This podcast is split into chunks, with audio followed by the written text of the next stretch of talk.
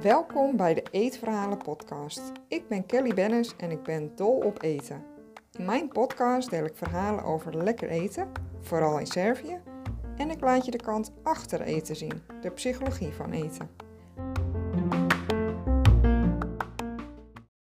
Waar zit hem nu het verschil? Heb je last van eetbuien of is het misschien een eetbuistoornis? Daar gaat deze podcast over. Het kan zijn dat je wel eens eetbuien ervaart, maar het hoeft niet per se zo te zijn dat je daar last van hebt. Als je je herkent in meerdere van de volgende punten, dan kan het zijn dat er bij jou sprake is van een eetbuistoornis. Je ervaart eetbuien waar je last van hebt. Dit heeft veel invloed op jou. Je zit er erg mee en ja, je raakt er ook overstuur van. Als je die eetbuien hebt, eet je sneller dan normaal. Dus je eet eigenlijk in korte tijd eet je allerlei dingen. En dat is sneller dan de andere maaltijden die je hebt op een dag. Het kan zijn dat je eet zonder dat je eigenlijk honger hebt tijdens die eetbuien. Je kunt niet stoppen, je hebt daar eigenlijk geen controle over. En dan eet je totdat je vol zit. En dat laat jou echt ja, je vervelend voelen. Dus oncomfortabel, niet fijn, misschien wel pijnlijk zelfs. Het kan zijn dat je controleverlies ervaart. Dus dat je het idee hebt dat je over die eetbuien geen controle hebt. Dat dat je gewoon gebeurt, dat het overkomt.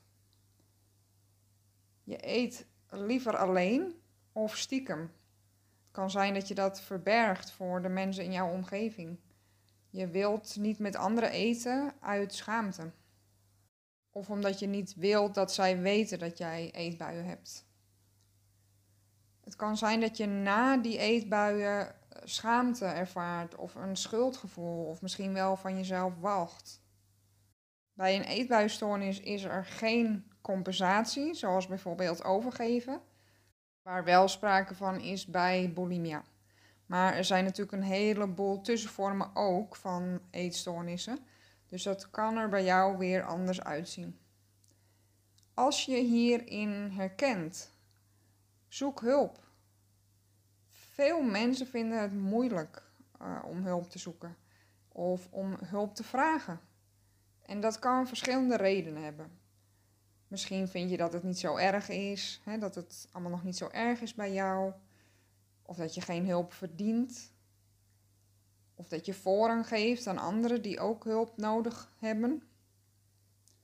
Maar het kan ook zijn dat je bang bent om jouw eetbuien los te laten. En misschien merk je wel een heel verwarrend gevoel bij jezelf. Dat je, ja, je hebt er heel veel last van. Maar eigenlijk vind je het ook eng om het los te gaan laten. Het geeft jou iets. Het geeft misschien wel houvast of controle over je leven. Dat kan het natuurlijk bemoeilijken om, om hulp te zoeken. Omdat je bang bent om dat los te laten en dat je niet weet wat je zou moeten doen zonder die eetbuien. In alle gevallen, als je je hierin herkent, zoek hulp. Je bent het waard. En je bent niet de enige. Er zijn heel veel mensen die hiermee worstelen. En er is ook hulp om jou daarbij te ondersteunen en om je weer beter te voelen. Ook in dat geval dat je hè, het dus moeilijk zou vinden om het los te laten. Je kan dan uitleg krijgen waarom je dat lastig vindt, hè, wat het jou eigenlijk geeft.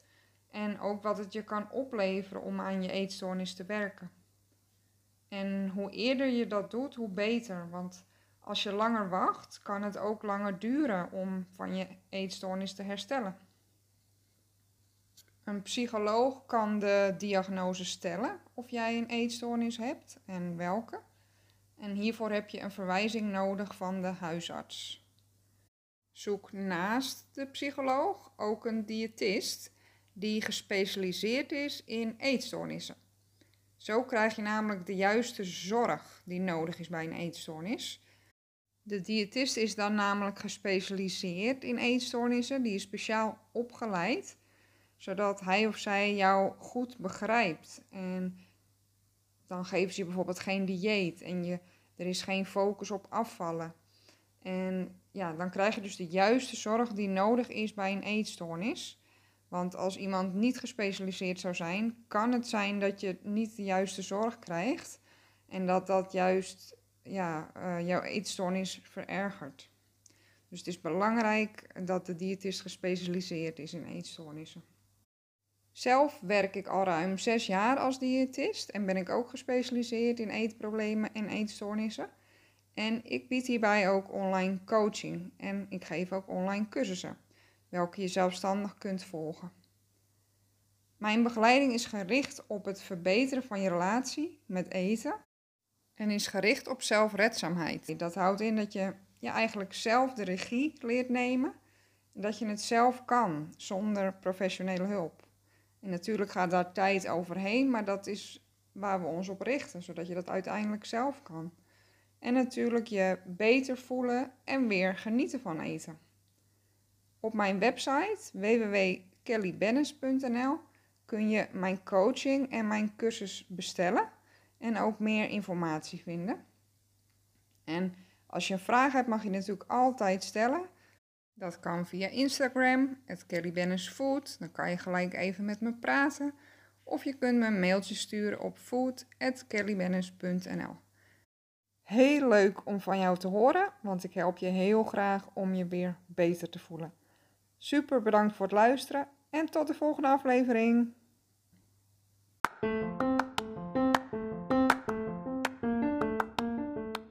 Vond je het leuk om hier naar te luisteren? Of denk je dat het interessant is voor iemand anders? Deel mijn podcast, bijvoorbeeld met een screenshot op Instagram en een tag naar mijn account. Alvast super bedankt. Je kunt me bereiken via kellybennis.nl en daar vind je ook mijn social media kanalen. Heb je een vraag of een verzoek voor een bepaalde aflevering? Laat het me weten. Dat vind ik echt super leuk als jij ook je input geeft. Tot de volgende aflevering.